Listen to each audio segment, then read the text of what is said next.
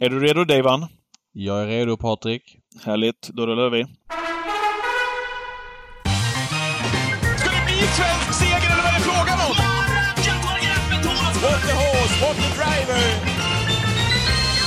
Välkomna till veckans Travpodden. Vad har vi att bjuda på, skulle du vilja säga, som ett litet kort löp?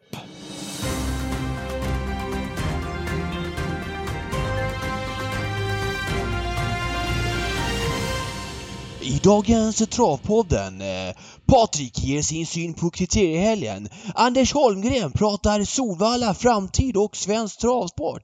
Eh, succétipparen som satte 7 rätt för 1400. Hiss och diss och mycket, mycket mer! Oj, oj, oj, oj, oj! Den kom från ryggmärgen.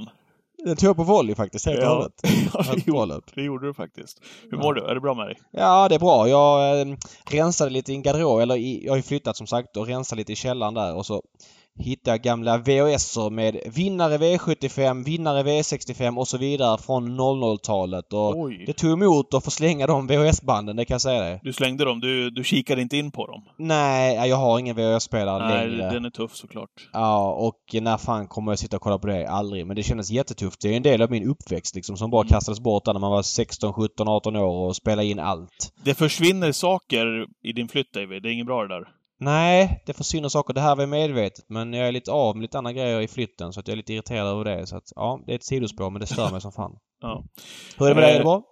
Bra tack! Härligt Mm. med, eh, med en kriteriehelg som var framför oss också. Det ska bli kul att prata lite. Ja, men det ska bli kul att prata med Anders. Det ska bli kul att surra lite grann om kriteriet också såklart. Så att, eh, nej men, och på det övriga taget också eh, väldigt bra. Familjen ska till Åmål på ponnytrav som ett sidospår nu till helgen. Åmål av alla ställen på jorden. Ska du, för, ska du dit eller? Jag önskar att jag kunde hänga med. Vi har match hemma mot Linköping som jag måste vara med på. Eh, även om jag inte spelar så, så måste jag vara där. Så att Ja. tyvärr får följa det på Ja. annat håll. Ja. Fattar. Apropå förra veckans V75, Skägget. Eh, Ja. Vem är det?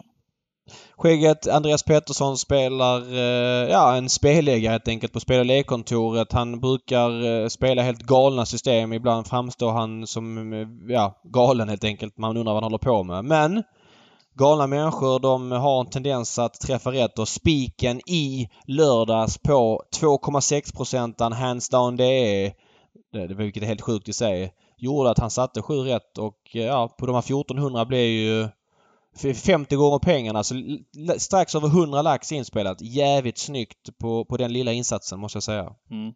Snyggt Skägget. Häng på där på spel och lekkontoret om ni vill spela tillsammans med, med honom här framöver. Eh, det var lite skillnader mot ditt system som var snyggt komponerat, men Missade alltså jag- favoriten här nu, Mr Chaos, som vann tillsammans med Konrad Lugauer, V75 avdelning 2 på Färjestad.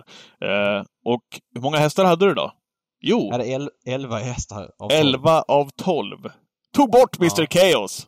Ja, jag trodde ingenting på honom. Eh, vi ska säga det att Mr Chaos från spår 2 i volten. Alltså att 1, 6 och 7 galopperar alla tre liksom direkt. Hur, hur, hur sannolikt är det? Och sen var det också galopp för 4. Det var ju mer väntat och någon till. Så att, och så fick han komma till spets. Han vann på 13 blankt, 16.40 volt. Jag ska inte säga att han ramlade undan. Han, han vann väl ganska bekvämt men hade han fått någon annan position i spets så bränner han. Och det är ju så att när man har sålt för ett andelspris så har man ju en ram att spela efter. Jag kunde ta bort en häst i det loppet. Jag hade 12 och så tittade jag och visst jag kunde inte ha tagit bort Vasco som var under 1% och hade minst segerchans. Men hade Vasco vunnit och den hade gett, ja men som nu 10 miljoner, alltså ish. Det kan ge hur mycket som helst. Kan nästan bli ensam med Vasco. Mm. Eh, Då hade jag varit irriterad. Nu är jag också irriterad för att Mr har han. Men jag trodde inte på honom och jag valde att ta bort favoriten. Det säger ju mer om vilken potential systemet hade. Jag förstår om folk är besvikna men ja, jag kommer fortsätta spela så att tror jag tycker en favorit är överspelad och jag står mellan att ta bort en häst för att systemkostnaden ska passa ramen för Mm. systemet. Ja, då tar jag bort favoriten. Fattar. Eh, och det blev fel den här gången. Det kommer bli rätt en annan gång, jag lovar. Rätt blev det för skägget. Rätt blev det också för en av eh, de två gästerna vi hade med i förra veckans podd. Vi hade med Björn Karlsson som gav info om Tangenhop, ska återkomma till det lite senare. Men jag också med Even Elvenes ifrån Norge. Man kan väl säga ändå att det blev succé eh, för Even och hans tips. Vi kan väl lyssna eh, en kortis bara på hur det lät. Herren flytter meg om fire hands down leverer på det nivået han gjorde i fjor. Den nå har du han jagat en- länge, Even. Den har du jagat länge. Ja, og herren flytte meg. Den hesten har vært god den senere tid. Han fikk jo en sykdomsvariant her tidlig på året og har ikke fungert før nå i det siste. Da er det altså bika opp, som dere er så glad i i Sverige, spesielt alle dere under 50 år. På Du förresten, sa du, sa du att du hade en vinnare på? Är, det, är den hemlig eller? Nei da, jeg kan godt eh, fortelle litt om den. En hest som eh, har vist ekstrem stor kapasitet under hele sin eh, karriere. Han har ikke gjort så mange løp, han har vært virkelig, virkelig god. Eh, Men vært eh, helt umulig å få til å agere ordentlig. Og så ble det byttet en trener der. Fra Øyvind Rutenborg til eh, mer eller mindre meget rutinerte Liv Hasli. Ja. Og eh, hesten heter Ståle. Den har eh, spor 6 i voltestart i V654. Han eh, debuterte for Hasli på Momarken nå sist og satte bak ryggen til lederen. Sein åpning og, og takta om og viste at eh, han var 100 meter forbedra. Ja, det där var... det var snyggt. Ja men Ståle till sex gånger på fredag, det missar jag helt och hållet. ju. Jag Ja, jag brukar inte följa loppen på fredagar utan jag följer ju mest V65-sändningen för att få V75-info. Och det var kast. Och Då började folk skriva till oss. Fan vilken king han är även och så vidare. Och sen så, ja mycket riktigt upp, följdes det upp på eh, lördagen med att hans idé, hands down är, som han har jagat i evigheter, fick vinna.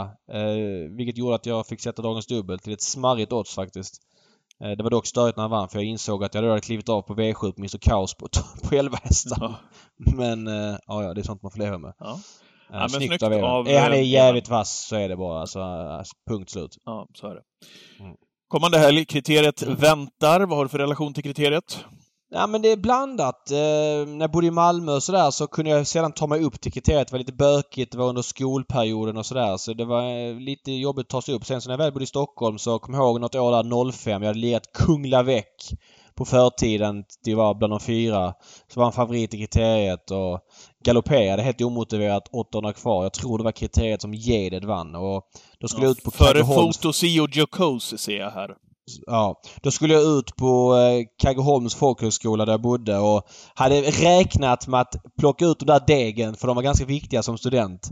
Att man skulle liksom, ja men vad skönt, de pengarna är vi klara för han kommer nog topp fyra och kommer ihåg när jag lämnade Solvalla den dagen. Det var höstigt och blött och kallt och jag skulle sätta mig på bussen ut till Kaggeholm ute på Ekerö där jag pluggade. Eh, då hade jag ångest och det var en jobbig känsla. Inte för att jag, den uteblivna vinsten bara för att ah, det var en lång vinter framför oss och det var inte så mycket att se fram emot. Eh, Så att, eh, ja det, jag vet inte. Jag, jag tänker ofta på det ögonblicket när jag hör kriteriet. Jag vet inte varför. Jag tycker kriterien är mycket roligare än derbyhelgen. Jag vet inte varför det är så men det är för att jag tycker kriteriet som lopp inte är lika... eh, Det har fler dimensioner än derbyt. Derbyt är lite mer förutbestämt. Vad, vad känner Nej, du? jag, jag känner tvärtom. För mig... Jaha. Ja, men alltså just med det, om du tog den eh, parallellen där med eh, derbyt. Jag tycker att det, det känns så otroligt mycket större än vad kriteriet gör för mig. Okej. Ehm, gör det faktiskt. Mitt första, min, mitt första kriterium på plats var Drugi 1995 tillsammans med Åke Svanstedt. Vann för Ride the Bullet och Cash Gwin. Ehm, Men, eh, ja. Det där har lite också med att göra med att jag är från Malmö. Derbyt var jag liksom lite grann uppväxt med. Vilket gör att det blev lite för lättillgängligt för mig. Solvalla var alltid mycket mer exklusivt. Det som hände på Solvalla. Det var där de bästa hästarna var och så vidare. ja, Så att eh, det, det är ju också hur man upplever det lite grann. Jag tycker der- derbyt som lopp är väldigt förutsägbart. K- inte finalen men försöken är väldigt för, förutsägbara. Jag tycker det är roligare med treåringar. Jag vet inte varför jag känner så. Ja, det är klart. Och sen är det också liksom när de nya stjärnorna tänds på något vis i kvalen Ja. där till... Ja. Ja. men även om E3 och allt det här har varit tidigare under treårssäsongen så är det ju ändå här med kriteriet man liksom ska sålla fram vilka som just där och då är de bästa treåringarna. Det har ju sin skärm såklart. Och just det här höstiga loppet där Ja. Ja, men det finns ju mycket såklart. Mycket härliga minnen ifrån kriteriet. Så att, eh, ja, jag ser fram emot kriteriet. Verkligen. Vad stack Ehm. ut tycker du eh, från, från, från försöken till Oaks och kriteriet? Eh, ja, men jag kommer till... Jag tror inte att det gick någon förbi vad jag tänker och tycker kring Francesco Zet när vi gjorde podden här när Edlund gästade för två veckor sedan. Eh, står Nej, fast vid stämmer. honom. Kommer till det om en liten stund här i när vi ska prata med Anders också, tänkte jag när vi ändå ska vidröra V75-omgången, där vi kommer att gå igenom avdelning för avdelning. För övrigt, det är, det är den som jag tror, ja, men jag tror bara att han vinner det här loppet. Liksom. Dessutom så är det lite ändringar i balansen. Jag tycker att han är huvudet högre där de är just nu. Eh, känns som att Kihlström bara liksom, ja men han säger det att han springer och halvsover och när det är dags, ja men då, då vet han vad, vad som ska göras. Och när man hör Daniel också berätta om Francescos sätt så, så tror jag att han har jättechans. Vad känner du? Ja, försöket var ju inte... Det var ju imponerande och inte imponerande. Alltså, ja, men jag förstår vad du menar. inte tar tag i grejerna på bortre lång. Det är såklart oroväckande men sen samtidigt hur lätt han bara springer förbi dem när, när han vrider ut. Mm. Uh, han springer förbi min tidiga vinnare Down Under som... Och Kösse ja, Edlunds vinnare. Trea tror jag det var. Trea. Ja men Down Under var väl lite besvikelse får jag säga. Känns lite halvhet i spets och sådär men men alltså Francesco Zet är bara otroligt bra. Man får bara acceptera läget och man hör på både Redén och Kihlström att det här är eh, något mer än en bra treåring. Uh, han har en enorm kapacitet och sen får vi se hur loppet körs. Mr Invictus som Örjan också körde i försöket och vann med från dödens. Mm. Imponerar väl inte lika mycket. Det var ju ett förs försök där Mustang Race och galopperade ganska mycket och ändå köra sig till spets. Så den plockade Mr Invictus knappt ner. Nu får vi se vilken balans Mr Invictus kommer gå med. Om det blir barfota eller inte. Timo Nurmos ja. har lämnat det öppet i sin krönika i travronden. Så att, eh, sen har vi Donizetti som har kanske har visat enorm kapacitet under året och han vann ju sitt försök enkelt från döden så... Nej, det blir ja. som vanligt ett bra kriterium. Indy Rock som hoppade från start senast och fullföljde väldigt starkt. Nu vet vi hästar efter galopp brukar gå bättre. Mm. Uh, vet inte hur formhöjande det är men man måste konstatera att den insatsen var väldigt vass han stod för senast. Helt klart. Sen har ju Normos haft show länge i, i de här stora loppen. Eh, imponerande också där med, med Oaks såklart. Han har kvalat in, var det fyra stycken va? Eh, mm. Jag tror att det blir Solvalla-seger men jag tror att segern kommer att gå till en annan Solvalla-tränare i V75 4. En häst som jag älskar högt och rent. Kommer till det också om en liten stund. Du då? Mm. Ja men det är ett jämnt Oaks. Eh, jag har inte någon supervinkel. Nurmos imponerar. Han har bara vunnit Oaks en gång mot kriteriet. Han har vunnit sju gånger. Eller om det... Jag är lite osäker men Oaks har vunnit en gång bara. Eh, det känns som att lite som Hultman och även Nurmos eh, tränar väldigt hårt. Känslan är att hingstar passade bäst i deras träning. Eh, de har alltid varit lite bättre på hingstar båda två. Sen om det är slump eller inte, det vet jag inte. Men jag har pratat med Hultman om det där, varför han lyckas bättre med hingstarna. Då trodde han väl att de tålde träningen bättre. Ja. Han hade ju några bra ston, typ Pine Dust, Lie Detector och så vidare. Men eh, det var ju framförallt hingstarna han, han plockade fram och lite så är känslan med Nurmos verksamhet också genom åren. Nu får vi se här. Nu har han ju fyra urläckra ston här nej, det ska mm. bli väldigt kul och ser mycket fram emot de här loppen. Och det är kul att de ligger på lördags V7. Eh, det kommer vi till nu också, tänker jag, när vi ska ringa upp eh, veckans gäst här i Travpodden. Det är ju styrelseordförande det, Anders Holmgren i Stockholms Travsällskap. Kortis där bara David, din relation till Solvalla när vi ändå var inne på kriteriet. Det har väl knappast undgått någon hur mycket du älskar att vara på plats på Solvalla. Du skulle ju till och med övernatta på Travernan kommande helg. Vad, vad känner du? Nej, det, jag älskar Solvalla som ställe. Jag tycker det finns så mycket historia i väggarna och jag tycker det är synd att se. Alltså så här, lokalerna är slitna, ja. Men man, gör, man ger ingen kärlek till dem för dagen vilket gör att eh, det blir liksom lite tråkigt att gå dit. Nu på lördag kommer det att bli kul trots att det är lite pandemirestriktioner för att folk är så peppade och, och sådär. Men jag tycker att visst, det är klart att vissa delar av Valla ska behöva byggas om. Men jag tror att det finns så mycket historia. Bara man skulle man bara rusta upp det som finns så tror jag folk skulle vara benägna att åka dit eh, oftare och, och liksom ja, men göra en bättre produkt. Allt från ljud till skärmar till upplevelse till mat till att få ett champagneglas när man kommer in. Jag tror att man med små medel kan väcka liv i, i det där igen. Kanske inte som förr men, men i varje fall under de större dagarna.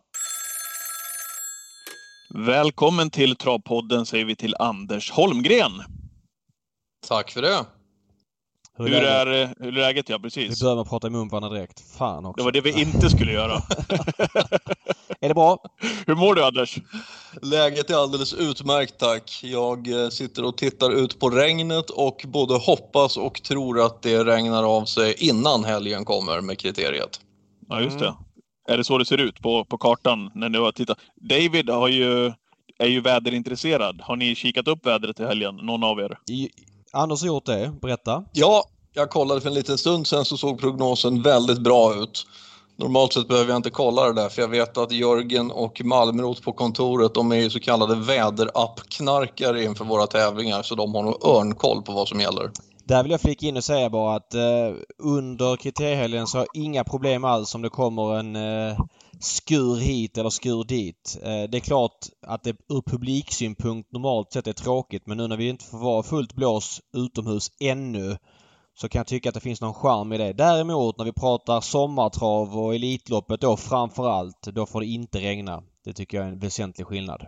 Mm. Håller med helt och hållet. Det är, det är, nästan så att lite regn hör till kriteriet ja, om man ska sätta handen på hjärtat. Ja, lite så är det. Eh, vi ska berätta lite grann, eller du ska få presentera dig. Du är ordförande på Solvalla. Eh, men eh, det tillkommer massa poster när man är ordförande på Solvalla. Kan du berätta lite grann om det? Ja, ja det gör det ju. Alltså att vara ordförande i Stockholms travsällskap om vi ska vara alldeles korrekta. Ehm, så innebär det ju alltså som ordförande på Solvalla så blir man ju då representant för Stockholms travsällskap också i STs fullmäktige och förtroenderåd. Ehm, som ju är den ja, beslutande organet kan man säga inom ST. Alltså det är motsvarigheten till travets riksdag samtidigt som då styrelsen i ST utgör travets regering. Så kan man väl uttrycka det väldigt enkelt. Okej, okay, så att ni som sitter i fullmäktige det är en representant för varje bana. Eh, men beroende på vilken bana man representerar så har man då ett x antal mandat när man röstar. Så du som är från Solvalla har fler mandat än till exempel någon som kommer från Åmål säger vi. Korrekt. Och, och sen finns även basorganisationerna representerade. Och vi tar först fullmäktige. Hur många röster är det totalt där? Oj, jag tror att det är 1420 men jag säger 1420 plus minus 30 för jag är inte helt 100% säker. Och Solvalla har hur många av dem? 90. Okej. Okay. Eh, och sen, det, är det, hur många banor är det som är representerade? hur många är vi? 36? 30? Vad är det exakt? Något sånt? 32 tror jag ja. är representerade. Och utöver det säger du basorganisationer. Vad är det för någonting? Eh, basorganisationer det är ju sammanslutningen utav våra intressegrupper inom travet. Alltså du har ASVT, uppfödarna, du har travhästägarna, namnet säger sig själv, mm. Sleipner för kallbloden och så vidare och så vidare. Så det är väl sju basorganisationer tror jag som har 50 röster vardera. Okej. Okay. Eh, Okej, okay, så det är 32 banor plus de här sju organisationerna. Ja. Svinbra. Eh, och så sa du att eh, fullmäktige är som travets riktare. Är det ni som utser STs styrelse då? Ja. Eh, och det sker på våren varje år? Korrekt. Och eh, hur, hur, det finns någon nominerad, sen röstar ni, är det så går till? Ja, precis. Det, ju, det, finns ju en valberedning tillsatt och valberedningen föreslår en styrelse. Ehm, eller ja, den går ju växelvis precis som i de flesta organisationer. Så ofta är det en eller två poster som ska tillsättas i styrelsen. Ehm, och då är det fullmäktige som röstar på det. Eh, och Mariana Alavikula som har varit ordförande nu i tre år avgår, har hon sagt jo. nu, var travronden ute med förra veckan, i vår och då ska ny ordförande tillsättas. Ja. Hur eh, starkt mandat har en ordförande i svensk eh, travsport?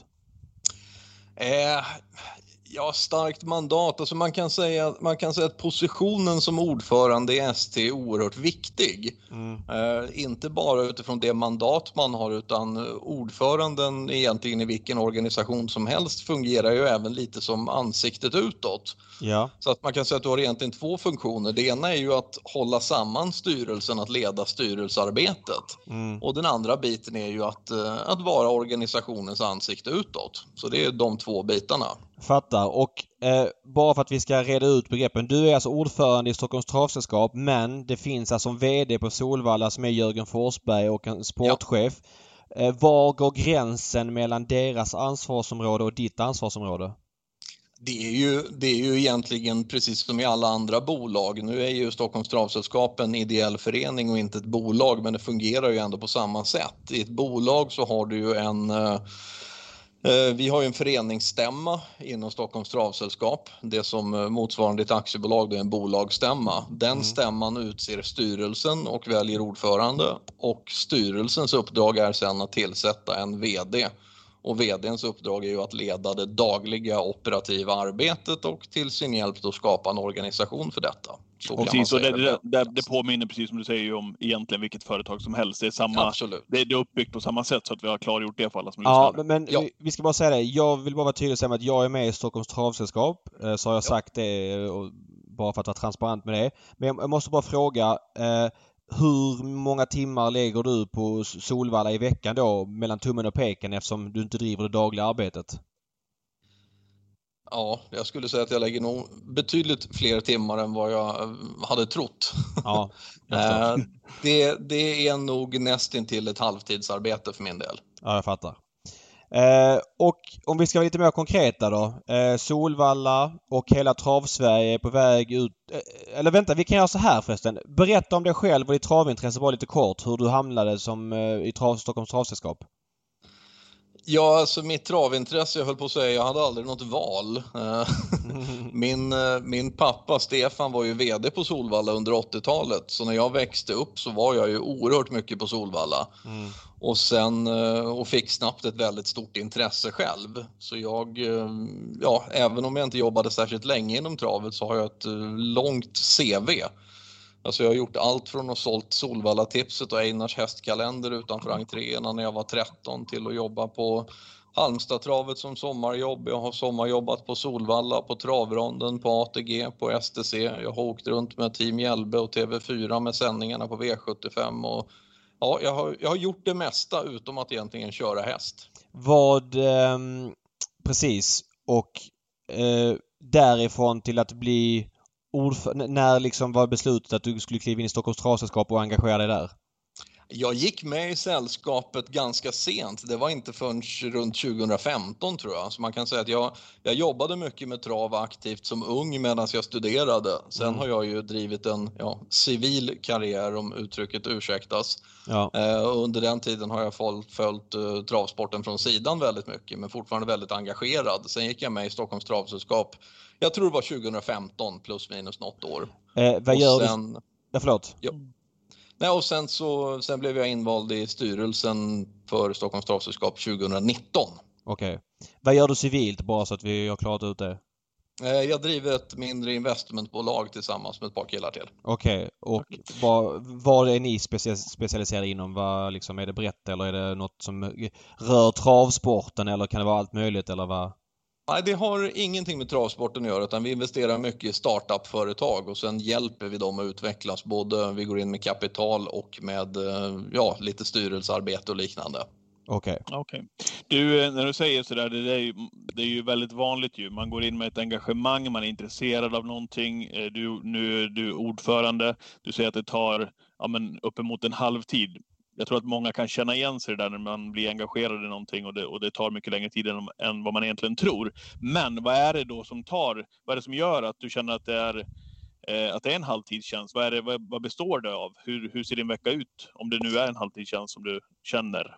Ja, alltså man kan säga för det första så har vi ju, alltså man har ju de rent, man kan dela upp det egentligen, man har de rent konkreta uppgifterna att fullfölja, det vill säga att, att leda styrelsearbetet på Solvalla. Eh, och det tar ju sina timmar att hantera. Just nu har vi ju, tror jag, en extrem period för, eh, för tyngden av styrelsearbetet där vi dels har omorganisationen inom hela svensk travsport att hantera som tar väldigt mycket tid. Och vi håller ju dessutom på med en del fastighetsaffärer på Solvalla, inte minst för att kunna modernisera arenan framåt. Så de två sakerna i sig tar väldigt mycket tid.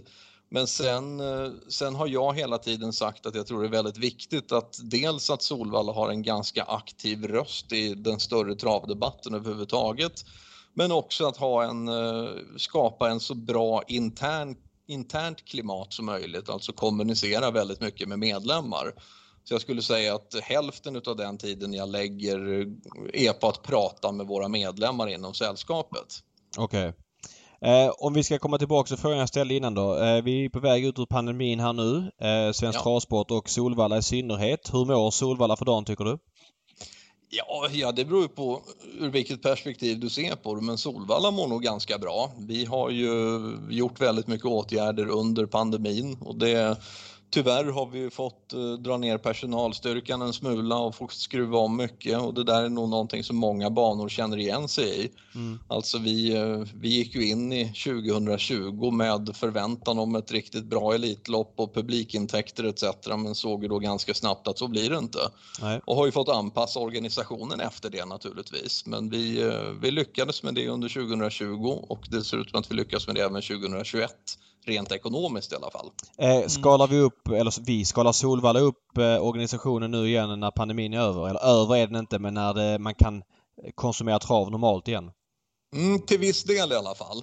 Okej. Eh, sen är det ju så att Solvalla går ju in, eh, alltså vi går ju in nu i höstperioden, den mörka perioden på Solvalla. Det, jag vet vi, vi får säkert frågan nu om vad vi gör för publikaktiviteter och sådär på kort sikt. Och det, ja, man ska göra klart för sig att vi går in i oktober och november och det är inte de roligaste publikmånaderna vi pratar om överhuvudtaget. Nej. Men vi kommer absolut att skala upp en hel del och framförallt satsa ganska stort inför 2022. Okej. Men eh, hur ska... Alltså... Hur, hur ser du på Solvalla idag? Vad, vad tycker du Solvalla står? Vad tycker du Solvalla saknar generellt? Om du får säga vad du liksom känner när du besöker eh, huvudstadsbanan.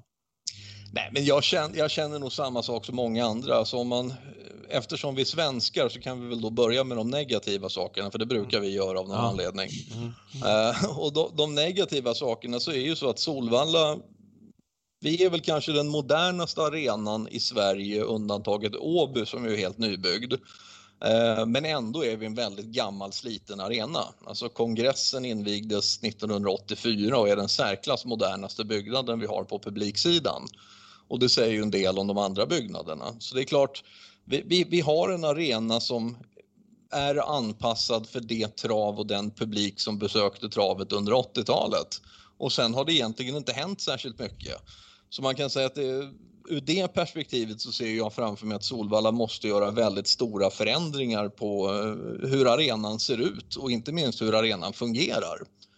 Eh, Så det är liksom det, det negativa men också den stora utmaningen som vi håller på att ta tag i nu. Tittar man från andra sidan och ser de positiva sakerna så har ju Solvalla enormt fin sport. Vi har väldiga sportsliga framgångar. Alltså, tittar du på grupp 1-loppen som körs så är det ju Solvalla-tränare som dominerar fullständigt. Där, måste jag bara flika in. Eh, Ja. eh, Även om jag har Solvalla som hemmabana och sitter i Stockholms travsällskap. Jag har svårt att känna den här glädjen att det går extra bra för Solvalla. Alltså om, om Per Lennartsson är Solvalla-tränare eller, eller Eskilstuna-tränare, det är skitsamma för mig känner jag. Är det Mm. verkligen viktigt att eh, med att Timo Nurmos, han har väl lika långt Eskils ish. Jag, jag vet inte. Är det viktigt att han förknippas med Solvalla? Alltså är det, är det en viktig grej eh, allmänt? För mig är det absolut det. Alltså att, eh, att Solvalla ska vara den ledande travarenan i Sverige. Vissa använder uttrycket nationalarena och det finns andra uttryck också. Då tycker jag det är oerhört viktigt att vi också har den bästa sporten. Och det tycker jag att vi har på Solvalla. Och Mm. Ja. Eh, det där du är inne på, ja, vi brinner ju väldigt mycket för, eller jag brinner väldigt mycket för publikfrågan. Men dels eh, så som det ser ut liksom vadå i... jag? Det är väl jag, väl jag också. Ja men det gör men jag, Ja. jag pratade för mig själv tänkte jag. Ja, jag. Du, du får prata för dig Ja. om du vill. Ja. Eh, när det gäller ja, men hockeyarenan som vi sitter med här nu, liksom, det går inte bara att trycka på en knapp efter pandemin och räkna med att folk kommer tillbaka till SHL till exempel. Även om Nej. man kanske har levt lite grann i den villfarelsen att ja, men när det väl släpper så vill alla ut igen och man vill eh, att allting ska vara som det har varit förut. Riktigt så ser det ju inte ut. Hur pass, eller hur mycket ansvar har du och ni tycker du på att dra publiken till Solvalla? Medan ATG då försöker driva spelet. Men just den här publikfrågan, att få ett levande Solvalla igen. Ja, men det, det, där är ju, det där är ju en väldigt stor fråga och för det första är det ju alltså man får titta på den ur kort perspektiv och långt perspektiv. Om man med kort perspektiv pratar om under hösten så är det så här att vi jag hoppas att det kommer mycket folk till Solvalla under hösten och det görs ju en del stora insatser. SD har ju gått ut med att de eh, hanterar så att det blir gratis entré till exempel på alla tävlingsdagar under resten av året. Eh, Det är en ganska stor insats. Var det resten av året? Var det inte bara oktober ut? Nej, resten av året Resten av året. att det skulle vara. Okej, ja. Ja. Eh, vilket naturligtvis är väldigt trevligt samtidigt som Solvalla har ju senaste åren jobbat väldigt hårt på att få en betalande publik. Mm. Eh, så där blir också lite, ja, lite paradoxalt blir det, men det är klart att det är en stor grej och jag hoppas att det kommer folk. Sen får vi ju se hur det blir. Alltså, det är ju ingen som vet. Många gissar men ingen vet hur folk kommer att reagera efter pandemin. Alltså många har vant sig vid ett annorlunda beteende. Eh, men jag hoppas också att många människor kanske har hunnit se travet på tv och upptäcka våran sport och kunna komma ut till Solvalla av den anledningen. Och till andra arenor för den delen. Eh, Vad tycker du att man ska locka med då för att man ska ta sig från tvn och åka ja, men sätta sig på bussen eller ta bilen ut till Solvalla eller hur man nu gör eh, för att komma ut. Vad är, det, vad är det som lockar, tror du, att man ska komma till Solvalla? Ja, men där kommer vi till den, till den stora frågan och jag menar, det där är ju 10 000 kronors frågan för den Mm, närmaste tioårsperioden kan man säga. Jag Mm. tror inte det finns ett enkelt svar på den frågan till att börja med, men jag kan säga att de sakerna som drar mig själv, det jag har saknat med, eh, ja nu är jag lite undantagen för jag har ju faktiskt kunnat vara på Solvalla, men det jag har saknat med att gå på trav väldigt mycket det är ju umgänget med andra, alltså människor som man träffar på travbanor och aldrig någonsin träffar annars. Det där är spännande. Gemenskapen där, ja. Exakt, och den, just den bara hej och tjena grejen saknar jag oerhört mycket. Sen saknar ju jag själv också kunna liksom sitta på restaurangen, gå till stallbacken och snacka med folk där nere och sen röra sig via publikplats och träffa gamla bekanta och vänner där. Mm. Eh, så just den biten saknar jag ju väldigt mycket och det där tror ju jag också är nyckeln till framgång över längre sikt. Att vi måste, vi måste anpassa arenan för att få den gemenskapen. Den fanns på 80-talet men då var den ju väldigt uppdelad. Alltså du hade ju Säg att det var 500 människor som stod på elläktaren som kände varandra ganska bra. Du hade 700 på kongressen och du hade 700 på kaféet som det hette då, som heter Bistron idag. Men som är väldigt isolerade öar så att de på elläktaren hade ingen kontakt med dem på kongressen. Och det där tror jag, där måste vi ju tänka mycket mer som de nya, ja fr- framförallt hockey och fotbollsarenorna har gjort. Att du har, du har ett väldigt stort umgänge med folk utan, alltså när du kommer in på arenan men innan du sätter dig på dina platser.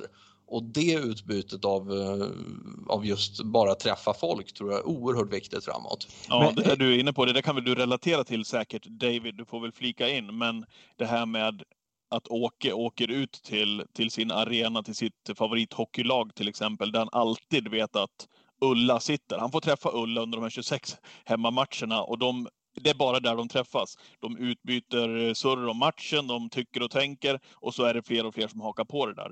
Eh, Just den här grejen att man, det är där man träffas. På Solvalla åker man ut och då vet man att den här sitter vid bordet bredvid.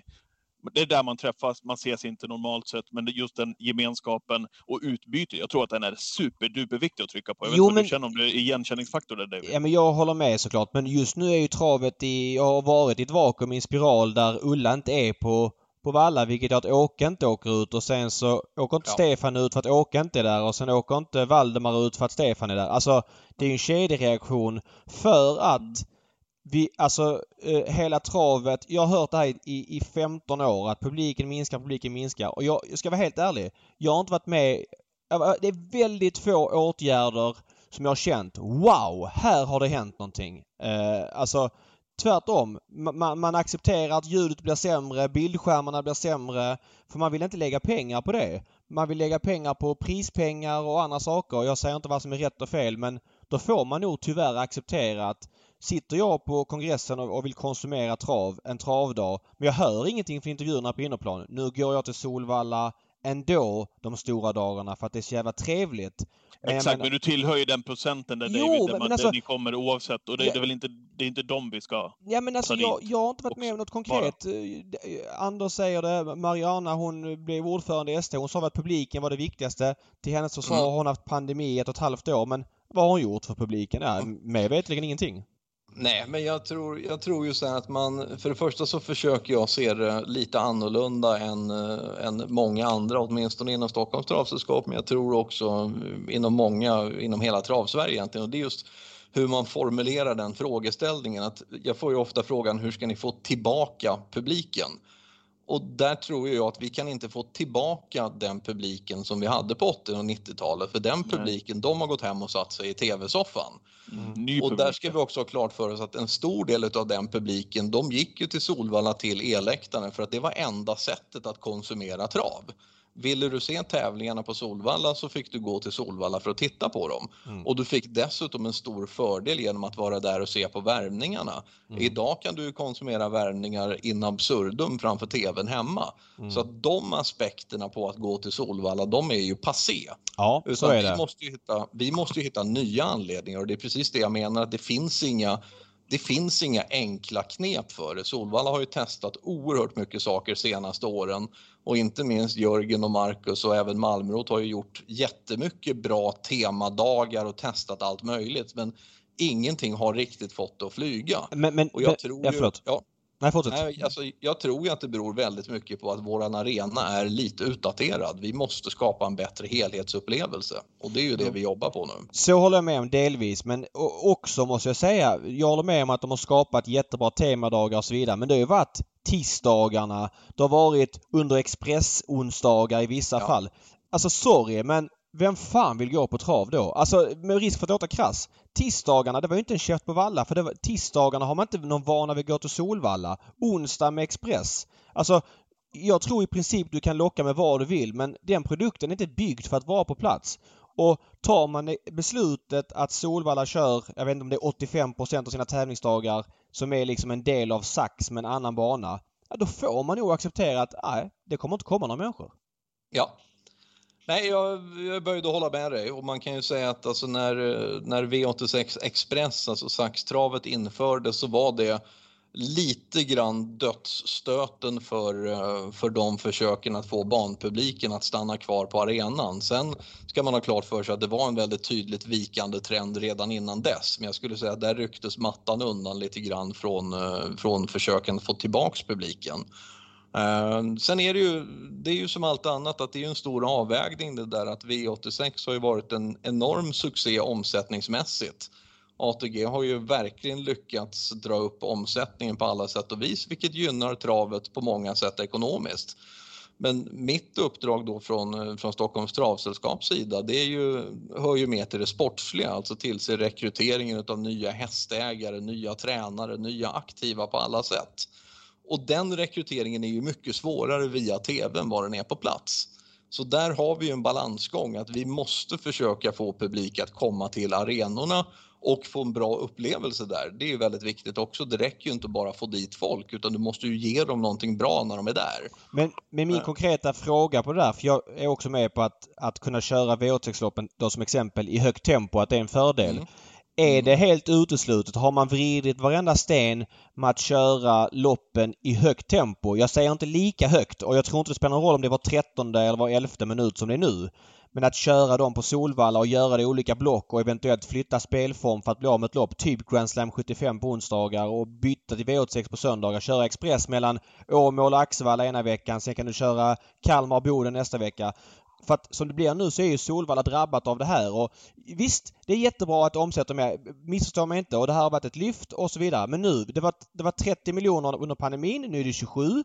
Ja, vi ligger där och skalpar men, men, men vad ger det på lång sikt? Alltså, var är vi om 15 år? Ska alla dagar gå med Express och ingen ska äga häst längre och loppen ska se ut som de gör nu på slutet, att de är halvtunna och, och så vidare. Alltså det känns som att kostymen är inte anpassad till hur travet ser ut idag. Nej, jag håller med dig till 100 procent. Ja, det var bra. Det då... Väldigt enkelt. Ja, men, men vad bra. Då, då, kan vi släppa publikdelen för den är ju väldigt omfattande. Men jag håller med dig. Publiken är prio ett. De som inte fattar det. Jag vet att ATG driver egna linjer och de vill eh, och missförstå mig rätt. Skitbra att det testas. Skitbra att det kommer nya människor. Men Express på fredagarna. Ja, det, det känns ju som en grej som att här finns det få närsidor men att en bana varav den största av dem alla ska vara kidnappad i det här forumet som inte drar publik där flest människor bor i den staden. Ja, jag har svårt att köpa det. Ja, vi släpper det. Eh, bara för att återknyta, du pratade om arenan där lite grann tidigare. Vad är status på arena och mark och så vidare och upprustning? Vad kan du säga om det? Ja, Solvalla fattade ju, vi fattade ju beslut, nu var det något före min tid, så jag, slänger ur mig att det var runt 2011 så fattade ju sällskapet beslutet att vi ska vara kvar på den plats där vi finns idag. Mm. Eh, så det är det vi har att förhålla oss till. Och sen har det ju hänt väldigt mycket grejer runt Solvalla och kommer att hända framför allt. Att vi, det byggs ju någonting som heter Solvallastaden som kommer byggas i skogen bakom, eh, bakom Solvalla och ända ner på stora parkeringen. Alltså en helt ny stadsdel motsvarande Annedal och de som är byggda i närheten. Så där kommer ju Solvalla bli en del av, eh, ja, men en del av stadsbebyggelsen på ett sätt som vi ju aldrig har varit tidigare. Solvalla har alltid legat lite, lite offside hur man än tittar på det. Mm. Men nu blir vi plötsligt en del av, eh, av en stadsdel och redan nästa år så kommer ju tvärbanan till Solvalla med en egen station för våran del. Så det där är ju, det där är ju jättelyft för oss. Och det är klart att eh, den eh, Solvallastaden som då byggs, den kommer byggas till stor del på mark som ägs av Solvalla. Eh, som vi har förhandlat och håller på att förhandla om att sälja till olika byggföretag. Och det är de pengarna som ska användas för att finansiera den nya arenan. Så det är väl the long and short of it. Men vad kan du säga om status om vi bara höftar? När får vi se första spadtaget i, en uppfräschning av Solvalla? Om du får ponera liksom. Ja, alltså, det, det ligger ju tyvärr inte i våra händer utan det ligger i politikens händer när allting sätts igång. Vi gör vårt yttersta för att det ska komma igång så fort som möjligt men vi är lite bakbundna. Jag har, ju, jag har ju sagt hela tiden att jag har ju som min ambition, mitt mål, det är ju att vi år 2027 ska ha ett nytt Solvalla på plats. Okej. Och det är ju av den anledningen att då fyller Solvalla 100 år. Mm. Då vill jag att det ska vara en ny arena på plats. Sen är det ingen garanti för att den är helt färdig, men jag tror att vi har sett rätt stora förändringar till dess. Så om du får två gånger pengarna på att spela att första spadtaget tas inom tre år eller efter tre år, vad skulle du spela på då? Innan. Bra. Eh, jättebra. Och det är helt klart för att vi, vi, vi ska komma till eh, diverse frågor från twittrare till dig. Varav en av dem är om det är helt spikat att Solvalla kommer inte flytta från sin nuvarande plats. Inom, Solvalla kommer eh, inte flytta från sin nuvarande plats. Dels finns det, dels finns det stämmobeslut på det eh, som jag har att förhålla mig till. Men sen kan man också säga att jag, jag har varit lite, lite ambivalent i frågan tidigare, men man kan säga att när det nu kommer en stadsdel runt Solvalla och en tvärbana så tycker jag det vore vansinne att flytta arenan just nu. nej, Jag tycker det är sämsta möjliga timing. när nej, jag, där, där håller jag med. Alltså hade man flytt, det var snack om bro och så vidare. Alltså s- har folk varit ute i bro, alltså det, det är liksom jordens ände. Eh, där, alltså, där Bro Park ligger. Hur ska folk komma dit om folk inte kommer hit? Nu har vi ju en unik möjlighet att vi har en travbana som kommer ligga i ett område där det byggs hus och det kommer bli bättre publika transporter dit. Till exempel tvärbanan då som man tar väldigt Ja. enkelt genom att byta tunnelbana från stan. Jag vet inte vad det kan ta. 10 minuter, en kvart max. Alltså att, att, att sumpa det för att liksom, ja men vi bygger långt ute där vi får ännu mer deg. Det, det är jättebra beslut det där med att vi är kvar, det måste jag säga. Ja. Ehm, Okej. Eh, lite mer SD bara. Som vi sa här, Marianna eh, hon avgår här i, i vår. Eh, skulle du vara sugen på ordförande för SD?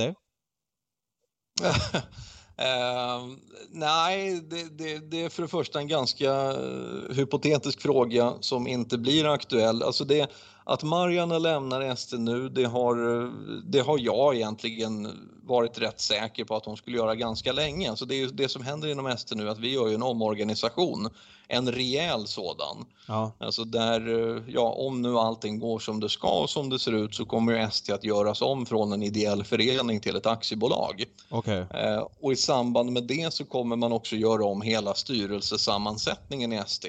Okej. Eh, det kommer beslutas ganska snart men vi är relativt överens om det. Så om man, ja, utan att gå in på några detaljer, men idag består ST av sju stycken styrelseledamöter som är oberoende. Mm. Eh, tanken är att det ska gå över till att bli nio stycken styrelseledamöter varav sex stycken representerar ägarna, det vill säga banorna och basorganisationerna.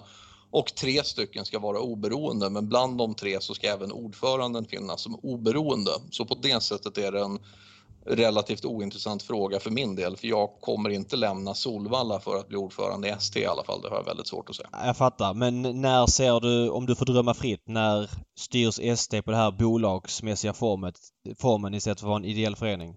Ja, tanken är att det ska ske nästa år. Okej. Och är alla med på det eller finns det motstånd mot det här? Ja, det finns motstånd mot allting och jag Ja. är väl en av motståndarna till viss del mot delar av det. Men Ja. det, det är mycket kvar att göra kan man säga, men jag tror att man är på rätt spår. Mm. Och det, utav de alternativen som har presenterats för omorganisationen så är det här det som är ja, minsta motståndets lag. Alltså de flesta är ganska överens om att det här är en okej lösning. Ja. Eh, vi ska gå in på lite frågor här till eh, som du har fått från twittrare. Eh, det är Ja. lite högt och lågt allt möjligt. Jag kan börja bara med en konkret fråga. Publikkassorna har man tagit bort. Eh, varför då? Eh, Publikkassorna? Ja, förlåt, spelluckorna. Ja, okej. På plats, förlåt. Publikkassorna, vilket otroligt uselt Ja, spelluckorna har vi tagit bort nu under pandemin. Det var ju någonting som skulle fasas ut fram till 2023 Tre tror jag det är. Tre tror jag också att det var. Då fattade vi beslutet under pandemin att ta bort dem redan nu eftersom alla som spelar på trav har blivit så illa tvungna att lära sig att göra det digitalt.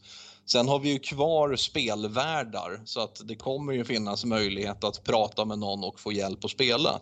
Men eh, kassorna är ju borta. Vi har gått över till att bli en kontantfri arena så vi följer ju samhällsutvecklingen där till största möjliga mån.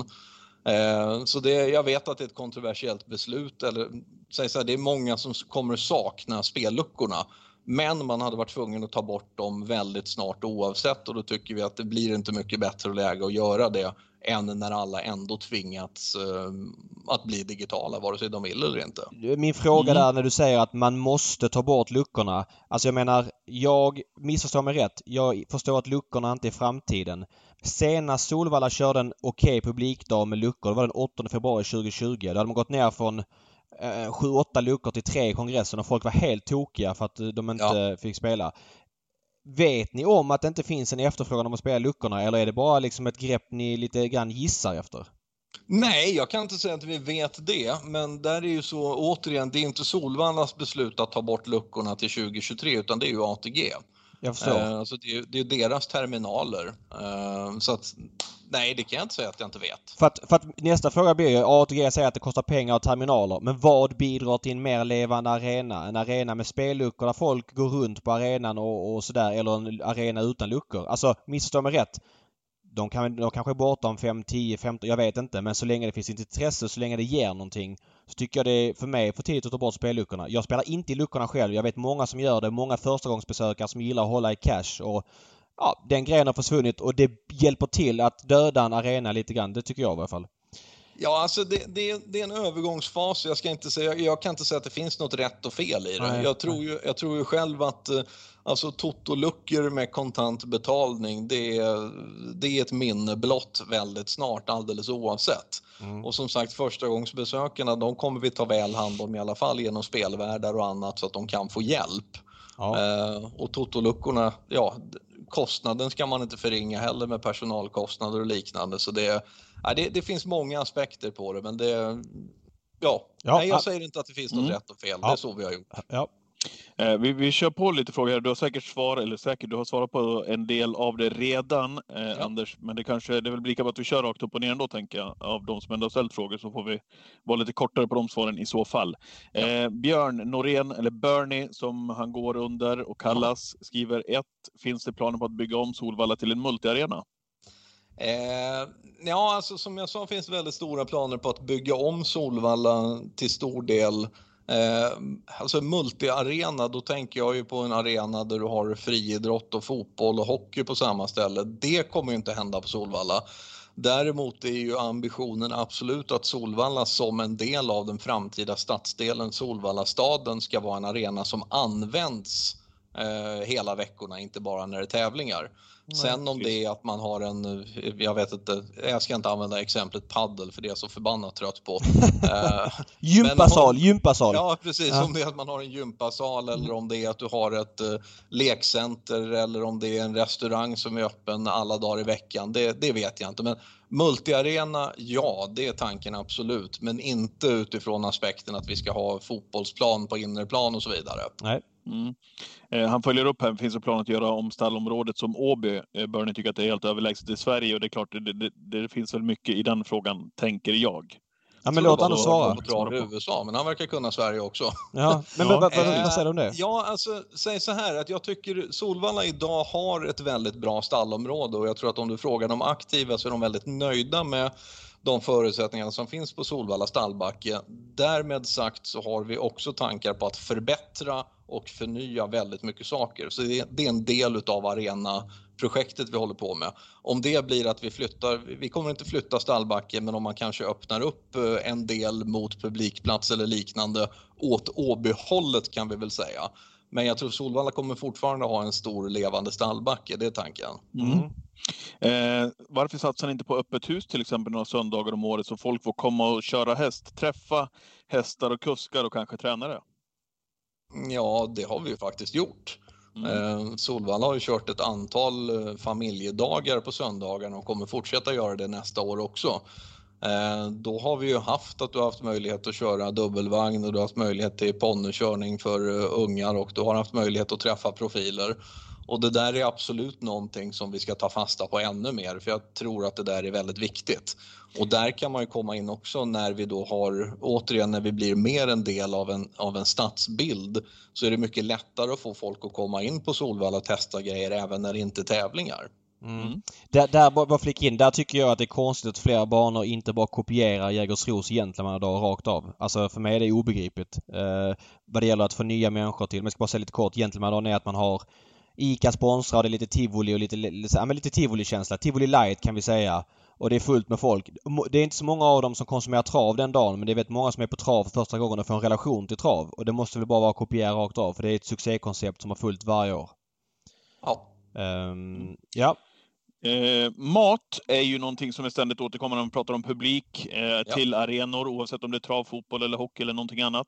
Eh, kan ni få in en bättre matkedja? Hur ser det ut där? Eh, som O'Learys som restauranggäst till exempel. Där vill jag flika in. Det förstår Ja. för, för Bernie själva att O'Learys har bra käk. Det, det Ja. tror nog Ja, inte att alla skriver under Ja, på. nej, men, men, nu läser jag Bernies. Ja, ja, jag vet. Ja, ja. Då tog du, tog du orden ur munnen på Ja. mig. Jag delar Ja. inte riktigt den bilden Nej. heller. Men eh, där till att börja med så har ju Solvalla en ny restauratör sen, eh, sen april i år. Att vi har ju tagit in Pontus som leverantör. Mm. Eh, och Pontus har vi gjort ett eh, väldigt behagligt avtal med för alla parter så att han tillagar ju all sin cateringmat i hela Stockholm i Solvallas kök. Vilket gör att vi använder faktiskt våra faciliteter till mycket, mycket större del än vi har gjort tidigare. Och eh, jag tycker själv att det har blivit väldigt bra för besökarna också. Eh, sen är det ju så här att om du tar eh, Bernies exempel O'Lerus så är det så att Solvalla har ju vi har inte kunnat ha en O'Lerus på Solvalla. Dels har vi haft en restauratör som har velat ha, ha exklusivitet på hela arenan och det är helt självklart. Men sen är det också så att vi, vi använder ju arenan en till två gånger i veckan. Och att lägga en O'Lerus på Solvalla när du inte har något folk där, det tror jag inte finns någon O'Lerus franchisetagare som skulle vilja driva. Kanske man kan ha pop-ups då, liksom med olika matkedjor i så fall vissa dagar. Absolut. Och där blir ju, men det här är ju en väldigt, väldigt stor del utav hur vi tänker med nya arenan. Det är ju att det ska finnas, alltså alla ska ha möjlighet att äta på sina egna villkor på Solvalla. Om det sen blir att vi har en food court i A-hallen eller om det blir eh, nya typer av restauranger. Men det är just mat, matbiten är oerhört viktig för man ska ha klart för sig att en tävlingskväll på Solvalla börjar någon gång runt 17.30 och är slut runt 22.15, 22.30 så du måste äta. Mm. Och tiden när man står på elläktaren och trycker två varmkorvar den tror jag är lite förbi som publikupplevelse. Ja, det, eller det kan ju finnas kvar också som ett komplement liksom. Absolut. Ja. Ja, ja, jag äter gärna på kongressen och sen tar jag en varmkorv men det är sån jag är. ja. Eh, flera frågor. Stefan Lindberg som är eh, travkonsument och hästägare. Han undrar lite apropå det här med att Solvalla stått, till, stått still ett och ett halvt år. Eh, Ja. v- Vad har man gjort? Han menar på att den här superstora bildskärmen som var stekhet för några år sedan börjar bli kass och sliten. Eh, det har jag faktiskt inte tänkt på själv. Är det så? Det får nog stå för Stefan eller vad han Ja. hette. Jag Ja. har själv inte upplevt det som ett problem. Eh, Jag tycker att det funkar ganska bra. Ja. Sen är ju det där, är ju, det där är ju en enorm apparatur. Alltså jag, ja, du kommer in på sidospår, men jag jobbade ju med att sköta den gamla ljustavlan på Solvalla så jag vet ju vilka enorma mekanismer det där är. Ja. Eh, jag, jag, just tv-skärmen kan jag faktiskt inte uttala mig om för den känner jag inte till att det har varit något problem med. Ja, ehm, fattar. Ska jag tillbaka här. Jag, jag är så dålig på att navigera Twitter-appen. Virid undrar eh, vad, vad har du för målbild för Solvalla om cirka fem år hur man ska nå dit? Ja, det har vi väl lite grann varit inne på. Ja, precis. Sen, sen sätter jag ju målbilden till om sex år istället, det vill säga 2027. Det är för mig ett väldigt viktigt årtal i och med att Solvalla fyller 100 då. Ja. Eh, och min ambition är ju absolut att Solvalla då ska vara en, en betydligt bättre publikupplevelse. Alltså vi ska fortsätta köra sport i absolut världsklass, men vi ska också ta hand om publiken på ett sätt som vi inte har möjlighet att göra idag. Mm. Eh, han frågar även, är SD bra för Solvalla och vice versa? Oj, det är en... Eh, ja, ja, det enkla svaret är ja, det är klart att SD är bra för Solvalla på många sätt. Alltså man ska ju tänka på att ST eller STC som det hette, hette då skapades ju av banorna som en, eh, ja men egentligen en serviceorganisation till banorna. Alltså man, eh, man skapade ett centralt kansli för att hantera väldigt mycket gemensamma frågor. Eh, inte minst reglement och annat. Sen har ju ST växt oerhört mycket i sin roll. Mm. Eh, med eller utan banornas vilja så har det skett i alla fall. Mm. Ehm, och, vi, och där går ju inte att undvika att komma in på ATG också som ju, som ju är ett fantastiskt bolag på alla sätt och som har gjort oerhört mycket bra för travet men där man också kan ha synpunkter på att de gör en del saker som kanske inte nödvändigtvis gynnar travet. Nej. Eh, han har Som sitt... till exempel.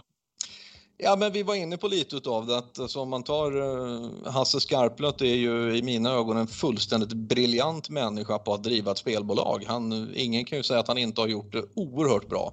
Omsättningen ökar hela tiden och det Fast- kommer fast mycket bara- pengar. Fast är det verkligen sanningen? Det var väl lite så att det här pokalåret lämnade en stor skuld. Där hade en stor skuld till Solvalla. Ja, så, jo, så kan man ju säga. Nu försökte jag vara lite snäll mot Skarplöt här. Ja, ja nej, och, och jag, jag eh, har inga synpunkter på han driver ATG för han har det Nej. uppdraget men man måste komma ihåg att det uppdraget tycker jag personligen det går ju liksom emot lite grann hur travsporten ska vara på sikt. Den optimerar för många spelare men optimerar den för andra grejer som travet behöver. I mitt svar Nej. då är nej. Men det där är ju det där är huvudet på spiken och det är lite grann dit jag vill komma. Att jag tycker att eh, ATG senaste åren under Skarplöts ledning har gjort det alldeles förträffligt vad gäller att maximera spelet på hästar och även spel på andra saker då. Däremot är jag ju inte säker på att ökat spel till varje pris nödvändigtvis är bra på lång sikt för travet. nej. Eh, Vi får, vi får mer pengar därifrån, absolut. Men det är klart, om vi får 50 miljoner mer ett år men vi vet att vi tappar 50 000 totalt i banpublik. Är den ekvationen bra? Nej, jag tror inte att den är det på lång sikt. För jag tror att vi minskar tillväxten inom travet. Alltså Ja. intresset för sporten och hästägarrekryteringen återigen tror jag blir lidande av det. Och sen vill jag bara flika in och säga Skarplöt har gjort ett par väldigt bra grejer för ATG. Framförallt eh, förhandlingen med utlandsavtalen tyckte han skötte snyggt när han började. Och att ATG var helt redo den första vad var det, första januari 2019 när monopolet föll eh, med Ja. sport och kasino och att det var på, plats. Så det ska han ha eloge för. Eh, Ja. eh, bara sista grejen. Virid undrar också hur, he, hur helig är egentligen Bällsta 1 kolon 34 för lokaliseringen av en travbana i Stockholmsområdet? Jag gissar att det är platsen han syftar på då. Bällsta 34 är markområdet vi finns på, ja. Ja. Eh, ja alltså helig, ja, återigen, jag har ju att förhålla mig till ett stämmobeslut som säger att vi ska vara där vi är. Sen råkar jag ju dessutom dela bilden av att jag tycker Solvalla ska ligga där det ligger. Eh, Det kan hända att man flyttar någon gång i framtiden men som det är just nu så tycker jag Solvalla ligger förträffligt där det ligger. Håller med helt. Mm. Patrik nästa. Tom Lindgren har en del frågor. Vi tar eh, den här tycker jag. Vilken fråga ser Anders som den enskilt viktigaste för att få till ett levande Solvalla? Oj, enskilt viktigaste? Ja, alltså till att börja med så ska man säga att den enskilt viktigaste tycker jag är att vi har, har sport i världsklass och det har vi redan. Så det, det är väl den biten som verkligen fungerar. Eh, Men utöver det så tycker jag det är väldigt svårt att lyfta fram en enskild bit utan jag skulle säga att det är återigen helhetsintrycket på arenan. Att du måste jag ni, ni håller på med andra sporter också. Ni har varit på Tele2 och på Friends och på andra nya arenor. Det är klart, när du går in på Tele2 så får du en, du får en känsla. För det första kommer du inomhus. Travsporten måste ju vara den enda sporten i världen där du går igenom entrén och sen är du utomhus. Mm. Det är ju redan där ganska bisarrt tycker jag att man inte leder folk in. Nu har vi flyttat huvudentrén upp till kongressen just av den anledningen.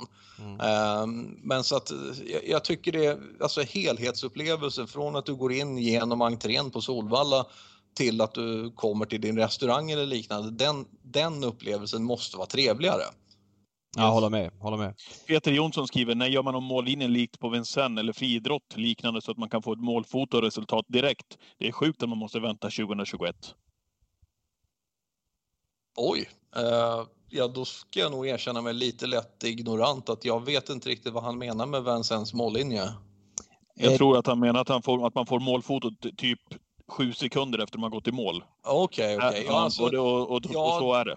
Det inte där skulle jag det säga är nog en tv-sändningsfråga. Alltså målfotot Mm. blir ju färdigt eh, direkt när de går i mål. Det tas ju ja, live. Ja fast det, det är ju olika snabbt i olika banor och i vissa fall dröjer det länge och så vidare så att det... det Ja. ja. Ja, men är, är det verkligen en tv-fråga, David? Ja, är det, men- inte, men det- det, ja, är väl kamerorna jag- ute på så här- banorna som så är... här. Jag, jag ska inte vilja... Jag, jag vet alltså måldomarnämnden får ju målfotot i princip direkt. ja.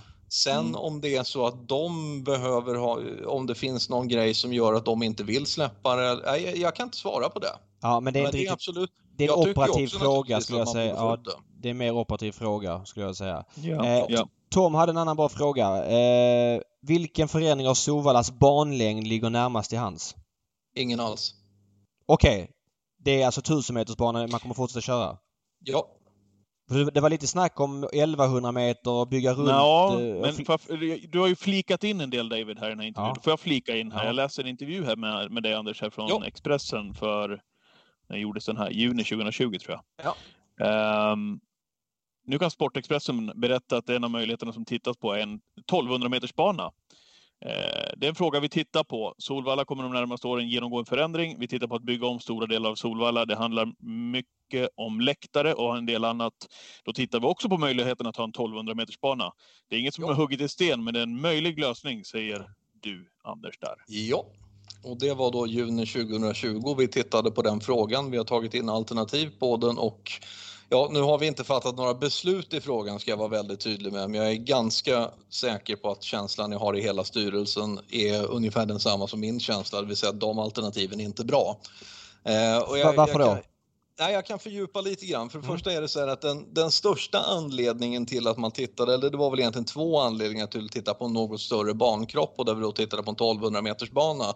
Eh, där den ena aspekten var att få, få ett längre upplopp och därmed en lite annan spelupplevelse. Ehm, och den andra aspekten som var den absolut viktigaste för mig var djurskyddsaspekten, att du får lite större svängar och därmed skonsammare svängar. Sen är det ju så att Solvalla, vi har ju de geografiska förutsättningarna vi har så det går helt enkelt inte göra eh, sista eller första kurvan eh, större än vad den är. Andra svängen, skulle, alltså sista sväng, skulle man kunna göra något längre men då dra ut den på stallbacken med ganska stora förändringar. Så att ja, i i min värld så är det där inte längre aktuellt och det är ytterligare en anledning. Jag tycker att Solvalla vi, vi är Sveriges största och på många sätt ledande travbana. Det kommer jag säkert få skit för av andra men det är min Ja, men så uppfattning är i det ju. alla Den fall. är, det ligger i huvudstaden. Alltså, Ja, Stockholm är jag- huvudstad i Sverige så är det bara vare sig man vill Ja. eller inte. Och jag tycker, och jag tycker någonstans att våran arena ska inte användas för experiment utan det finns många andra banor som kanske kan bygga en 1200 meters bana. Jägersro bygger 1400 meter nu. Det tycker jag är jätteroligt och det är kul att det blir lite förändringar. Men jag tycker att Solvalla ska vara en 1000 meters bana. Mm. Mm. Ja, Jag det hade var slut väl... på mitt frågebatteri därifrån. Ja, eh, det var några frågor till men de har vi berört känner jag. Eh, bara, bara, bara kort. Johan Dert skriver utan något belägg eh, är känslan att vi går mot allt färre travare, loppen tunnas ut, omsättningen minskar. Eh, det är ju delvis inte sant för att det minskar ju från pandemiåret men den är fortfarande bra mot 2019 så det stämmer inte. Ja. Intresset svalnar och det är för, snart för sent att vända skutan. Eh, ja, vissa saker stämde, vissa inte. Men hans fråga är hur ska ungdomarna framöver upptäcka och fascineras av travet gällande såväl sport och spel? Ja, alltså då, då kommer vi tillbaka till, till grundfrågan med publiken. Att det handlar inte om att få tillbaka publiken som fanns förr. Eller ja, den publiken finns ju kvar Mm. men de konsumerar travet på annat sätt. Mm. Eh, utan det handlar om att hitta en ny publik. Och, där, och då kommer vi in på nästa sak, att man pratar väldigt mycket om ungdomar. Det, det är ju så att travet är ju en sport som alltid har varit fascinerande för något äldre. Jag har ju varit ett undantag i många år som har varit väldigt ung och jag antar du också David, Mm, mm. eh, har alltid varit lite unga. Ja, ja. Men det är ju så att med den, återigen, mitt uppdrag, Stockholms travsällskaps uppdrag är ju att tillse rekryteringen utav aktiva hästägare och liknande.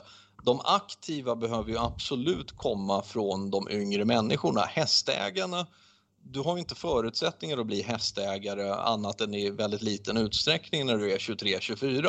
Så är det. Och det, alltså jag, Svante Båt brukar ju säga en ganska briljant sak. Han säger att liksom, skit i ungdomarna, det föds en ny 50-åring varje dag. Ja. Eh, och jag tror ju att det gäller för med ungdomarna, vårt mål där är ju naturligtvis att få dem intresserade av travsporten för att sen bli hästägare och eh, travpublik när de är något äldre.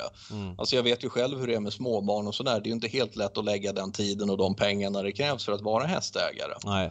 Eh, Men det enkla svaret på frågan hur ska ungdomarna upptäcka travet? Ja, det är ju via tv och övriga digitala medier. Det är ju Mm. våran väg in till dem.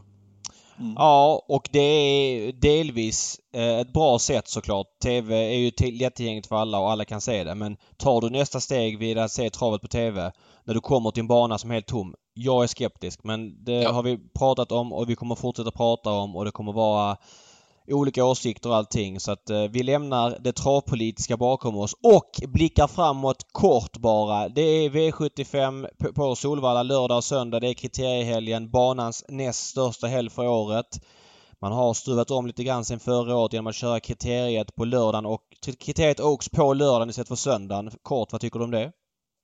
Ja, till att börja med gjorde vi det även förra året. Ja, Eh, exakt. Jo, andra året. ja. Exakt det. Mm. Precis. Eh, nej, jag, tycker, jag tycker det är jätteintressant att testa det. Vi har gjort ett antal förändringar som vi inte har fått chansen att testa riktigt ännu. Dels har vi kört kriterieuttagningarna och några andra tävlingsdagar på fredagskvällar. Det har vi ju tyvärr blivit väldigt bakbundna i att testa på grund av pandemin.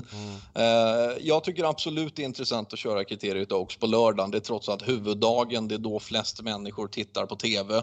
Eh, och jag vill att de ska se den bra sporten vi har att visa upp, så för mig är det helt rätt. bara flika in, håller med helt och hållet. Och man pratar ju V75 hela veckan och när man pratar V75 den här veckan när kriteriet också går på söndagen så kommer inte det med i snacket. Så det tycker jag är rätt. Däremot Ja. tycker jag söndagen blir Alltså man har avgjort crescendot redan på lördagen. Söndagen blir liten även om man kör STL Open. Visst, det är bra lopp och så vidare. Jag skulle vilja se den tävlingsdagen på fredag kväll istället med V75 då. Eh, Jag tror det skulle kunna paketera helgen mycket bättre. Det är min personliga uppfattning. Jag vet att ATG inte vill köra V75 på fredagar för de tror det snor lördagsomsättning men ja. Eh, Det var mitt lilla inspel i det. Ja. Eh, I varje fall, vi ska prata lite V75. Väldigt kort och rappt om varje avdelning. Det är finaler, det är grymma lopp och så vidare. Vi kan bara säga något kort om varje lopp, vad, man gillar och inte gillar. V71, Admiral As är klar favorit, 75% just nu på V75. Vad säger ni om honom? Du kan väl ta det där du spelade in, Anders, när vi testade ljudet innan vi gick igång här, vad han sa. Ja, jag tror jag sa att Admiral Lance är fullständigt oslagbar. Nej, alltså det, det är 12 riktigt bra hästar, men det är en häst som är, som är divisioner bättre än de andra 11. Mm. Ja, så är det. Man har också sagt, håller jag. galopperat två gånger Mm. bakom bilen på Solvalla bland sina fem senaste starter. Ja, Så att, eh, ja, han blir väldigt stor. Jag ja vi, vi kan ju i det här sammanhanget flika in att jag kan ju vara Sveriges sämsta travspelare. Det är därför jag köper in mig i dina andelar, Ja. David. Så, så ta, ta det jag säger med en nypa salt. Då får du vara med och missa V7 på Etos Kronos och ha 11 av 12 när favoriten vinner och inte får 7 rätt och sådana grejer. Så det, Men det du, fin- får, får jag bara flika in där, utav alla dina andelsköpare som var med på det fantastiska systemet när du missade på Ethos Kronos, Ja. så var det bara jag som fick stå i vinnarcirkeln och dela ut pris till Ethos Kronos och se glad ut. Ja, nej så är det ju såklart. När man har chansen på att vara ensam på V7. Ja, jag be- beklagar Men vad det. härligt. Det var en ny dimension av det där spelet, Ja. den där kupongen. Ja. Patrik hade en klar tvilling där. Han sticker ut hakan med att Admiral As och Oxidizer är 1-2. Eller Admiral As och... Um, vem var det? Det var Rackham va? 1-2. Mm. Snyggt Ja, Patrik. På ljudtestet, ja. Jag får väl hålla V72. fast vid det. En iskall 37 säger jag är Parker som är närstruken till innerspår. Inte fan kan han hålla upp. Eller?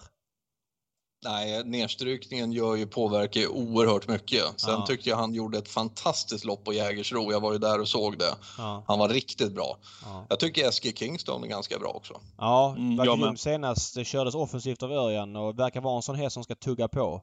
Mm. Eh, Det såg man ju tidigt, jag kommer inte ihåg vilken bana det var. Jag tror det var Eskilstuna någon gång i somras. Mm. Eh, Eller tidigt det här året också när han bara fick tugga på och ånga på. Visserligen i lägre klass än vad han är uppe i idag, men det är ju så han ska köra. Så, ja, men loppen han har gjort här på sistone, är bara, jag fyller i. Eh, Det känns som att vi är på samma linje så långt, Anders. Du får köpa min andel på lördag istället. Santos de Castella, eh, ska vi säga, han fick punktering senast. Det kan vara värt att nämna för Ja. För att han var lite sämre den dagen. V753, ett grymt roligt storlopp. Får jag bara säga en sak innan Ja. vi släpper andra här? Ja. I och med att det är 0 Miss Lovelace, som jag betalade för tidigt i Rättvik när den vann till 100 gånger pengarna på Ja, spel och lekkontoret. Den är bättre än vad folk tror. 0 Jag bara Ja. säger det. jag hade också med den då vill jag eh, annonsera. Mm. Ja, det är bra. V753, ett Kul. grymt spellopp. Ston, 3 volter, öppet. Favoriten bara 19% 5 Rarity AF. Vad säger ni här? Jag- Alltså jag kan ju bara säga den avslutningen som Saga Dock gjorde senast tycker jag var helt fantastisk. Den satt fullständigt omöjligt till och visslade fram till tredjeplatsen och ser ut att sitta bättre till i det här loppet. Mm. Jag är väldigt förtjust i två Bowling Elmar. 5% känns lågt på den. Patrik, vad säger du? Mm, då kom veckans Wäjerstenar där. Jag bara väntade på den. Jaha, okej. Du, du börjat med det temat nu. Det är moget av dig. Ja.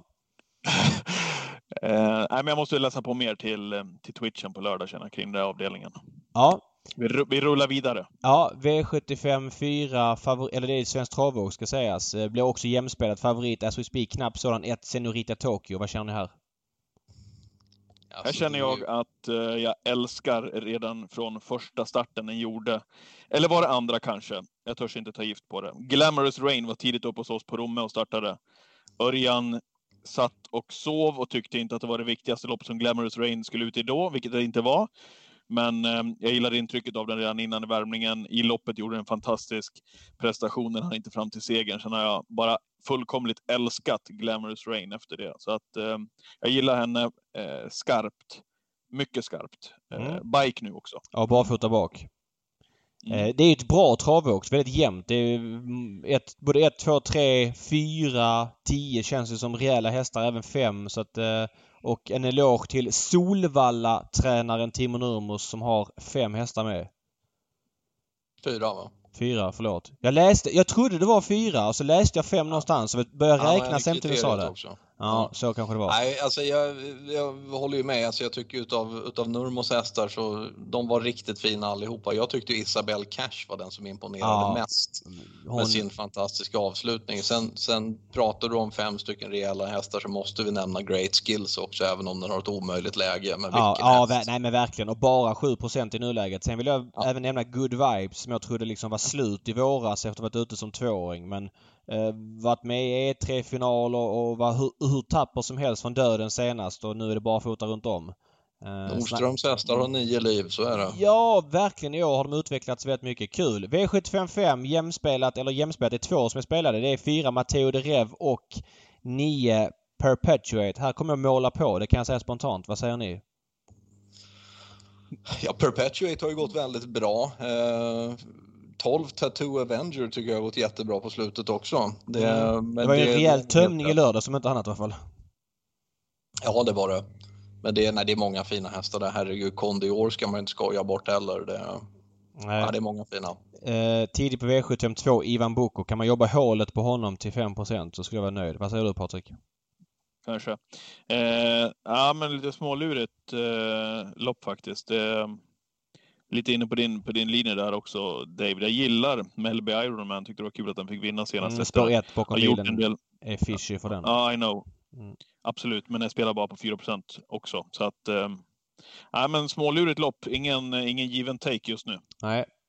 Eh, V756, Svenskt travkriterium 2021. Favorit 3, Francesco Zet. Jag kan börja där. Jag tycker det är helt rätt favorit. Jag, ja, jag får vibbarna av att Redén och Örjan tycker det här är någonting extra verkligen. Eh, Redén känns väldigt confident i intervjuerna. Man hör på Örjan att han verkligen gillar den här hästen. Det finns ju frågetecken för att han springer och småsover i loppen. Han är favorit, han ska vara favorit. 42 procent, ja det är väl där han ska vara ungefär. Men det är väldigt bra emot. Det, han kommer nog få göra lite jobb för två Mr Invictus lär vilja köra sig spets. Fyra Donizetti imponerade enormt senast och har varit bra hela året och ja, Jerry, Roden i storlopp vet vi ju. Så att, eh, nej vad säger ni om kriteriet? Nej, alltså Francesco Zet är nog helt rätt favorit och jag tycker också Redén Kihlström, de brukar veta vad man gör. Eh, sen tycker jag den som, den som kanske imponerade mest på mig i försöken var ju Indy Rock efter sin galopp. Den tycker Mm. jag gick oerhört bra. Sen måste jag ju själv ta med nummer 6 Hennessy Walk eftersom att det är min svägerska och hennes kille som äger den. Och vad kul, vilken grej! Ja, visst. Ja, vilken... Ja. Patrik? Ja, då måste man ha med. Ja. Nej, men jag sa väl innan eh, försöken vad jag, vad jag trodde och jag blev inte besviken av Francesco sett i, i försöket. Barfota bak, ytterligare en växel den här gången. Uh, nej, jag tror att den är i en klass för sig i årets kriterie. Mm. V757, en final i bronsdivisionen, öppet lopp, favorit nu. Det är jämnt mellan två Grandfather Bill, fyra Swagger och elva One Kind of Art. Patrik kommer gå på Wine Kind of Art. Vad gillar du här Anders? Ja, One Kind of Art var jag med på senast faktiskt och tyckte det var väldigt fin. Sen har jag ju, jag har ju, jag har ju ett litet gott öga till Cash Cowboy. Nu är han väl kanske bortlottad för han går väldigt bra i ledning men han gick oerhört bra bakifrån under Elitloppshelgen Ja, också. precis. I de finalerna. Och Jag håller, stallform jag också, stallform. Ja, Ja. precis. Och det är Peter Norman och det, nej, jag, jag gillar den hästen. Ja, Jag håller med. Jag tror till och med att bakifrån är en fördel för jag tror att han är lite vek i ledningen. Att han väcker in... Ja men en final från spets, då skulle det vara bra häst. Jag tror att om Erik kan chansa, köra lite på, på chansa, kanske rygga ett för tredje in eller någonting. Ja, jag håller med. 2% är lågt på den. Eh, jag vill även lyfta fram tre Showtime Jackflower. Eh, där är det jänkarvagn upp. Jänkarvagn på den här gången. Han är bara 3%. Jag ser inte honom som så mycket sämre än de övriga. Swagger tror jag får svårt sista 200 i en V75-final. Patrik? Mm. Älskar ju Wine Kind of Art som du säger David, men han står ändå lite halvhårt inne. Men å andra sidan så ska det inte gå att vinna loppet senast heller så som det blir kört. Oskar sitter ju sist hela tiden och de, de pullar upp ganska så ordentligt och ändå eh, över Bollnäs relativt korta upplopp så svarar han för en fantastisk avslutning och blir det lite fart på det här loppet, vilket det kan bli, så är han ju tidig såklart igen med 20 procent. Mycket mer än så tycker jag inte att han ska vara spelad på. Uh, han får nog hitta något annat här. Swagger. Ja, tyckte det var helt okej i den senaste starten, men känns som 1600 tycker jag spontant är, är absolut. liksom Swagger istället för att han blir pigg här i en final och det är full väg. Det kan bli långt hem. Ja. Um, nej, men eh, One Kind of Art i väntan på något bättre. Mm. Mm. Ja men svinbra. Eh, fan vad kul det ska bli med Solvalla på lördag. Jag är otroligt peppad. Det var länge sedan. Nu är ju inte restriktionerna helt släppta så det kommer att bli begränsningar utomhus gissar jag. Men det, ska, nej, det känns som Ja, att tyvärr. folk är peppade igen märker man. Att det är många som ska... Jag vet, hur är det sålt inför lördagen? Har vi någon indikation på det? Ja, lördagen är nog... Jag kollade tidigare idag. Då vet jag att lördagen är slutsåld på restaurangerna. Jag vet, det fanns enstaka ströbiljetter till A-läktaren och utomhus. Ja. Uh, söndagen så är det väl sådär, sådär småfullt men det finns platser kvar överallt. Ja. Men alltså är det fritt blås på restaurangerna nu i helgen eller måste, finns det restriktioner och sådär? nej, vi, Nej. Har, vi har ju fortfarande pandemirestriktioner att förhålla oss till. Vi har ju, ja, vi har ju haft lite stolpe ut. De eh, lättade ju restriktionerna måndagen efter Elitloppet och Ja. nu lättar de restriktionerna onsdagen efter kriteriet. Så Ja. det, vi är Efter fortfarande 29 drabbade av det. Ja. Ja, Mm. ungefär 2500 kan vi totalt ta in. Ja, ja men det är okej. Vad hade det varit annars då? Fyra, fem kanske en sån här lördag? Ish? Ja, med bra vän. Nej, det är, ja, det är svårt att spekulera. Det kan nog ha varit betydligt mer. Vi var ju fullt på jubileumspokalen. Då var vi 2500 ungefär. Ja, okej. Eh, och, jag skulle, och det blir ju likadant nu på lördag. Så Mm. det, nej, vi, tappar ju, vi tappar ju mycket spontan publik naturligtvis. Restaurangerna blir väl ungefär som de hade varit annars. Men det är ju utomhuspubliken vi tappar. Jättebra Anders! Ja, härligt att jävligt- surra lite grann tycker Ja, jag. Underbart. Trevligt med lite travpolitik. Det gillar vi att prata i den här podden och kul att du var med och lycka till på Solvalla med ditt uppdrag och med ditt uppdrag eller det du gör för Svensk Travsport. Publiken är viktig. Det är mitt medskick, eller vårt medskick från oss till dig. Mm. Ja, Eh, vi ses i helgen då. Tack för att du Det var med. vi. Bra, simma lugnt. Tack. Tack, tack. tack Tja, hej, hej. Ha det bra. Samma hej.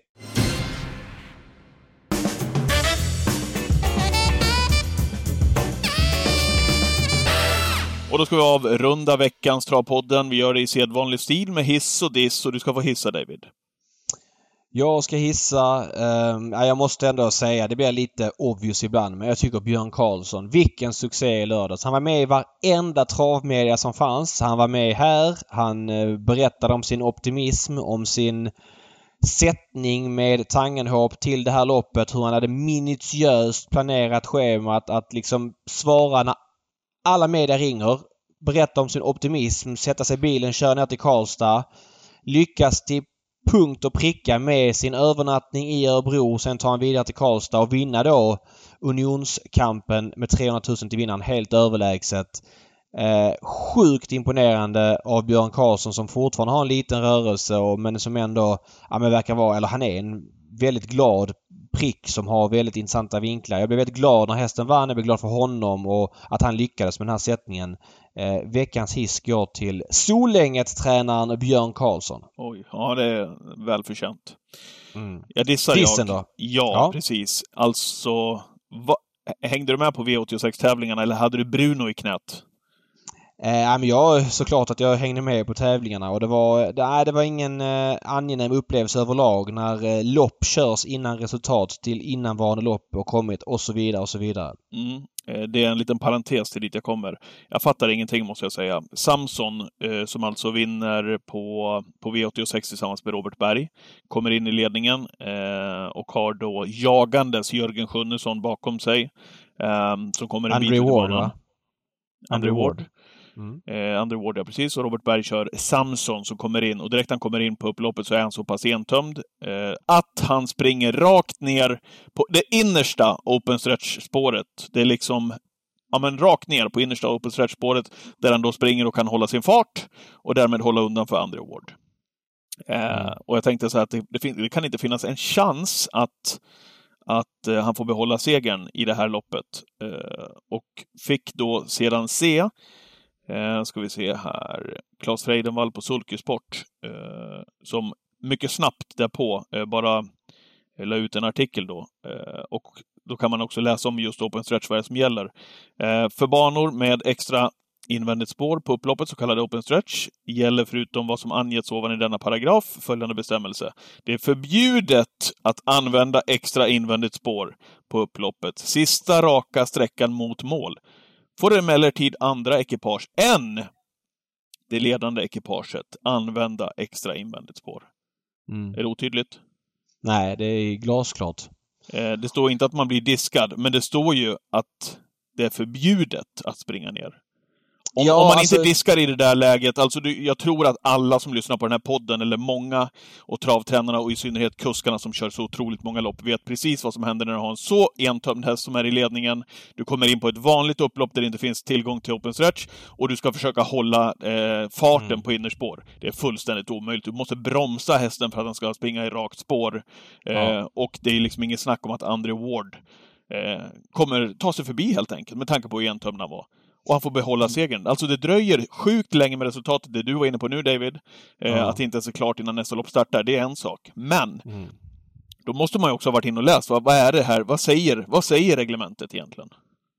Ja, och eh, nu har vi pratat om det här mycket och så vidare men hela det här stresskonceptet med onsdagarna det medför att vi inte får några intervjuer, någon förklaring och så vidare. Så man står där liksom lite grann med brallorna nere för att återigen som du säger att ska han korrigera hästen, ja då stannar den nästan liksom. Alltså det, det, det kommer bli att den tar- tar stopp och det vet, vet ju Berg också om. Det är därför han låter den bryta ner två spår för att Ja, han stör ju ingen men de spåren är inte till för honom så att... Robban vet att han är rökt, att han inte vinner loppet om han ska sitta och dra i ena tömmen och försöka Mm. hålla sitt innerspår, som man gör på en normal travbana utan open stretch.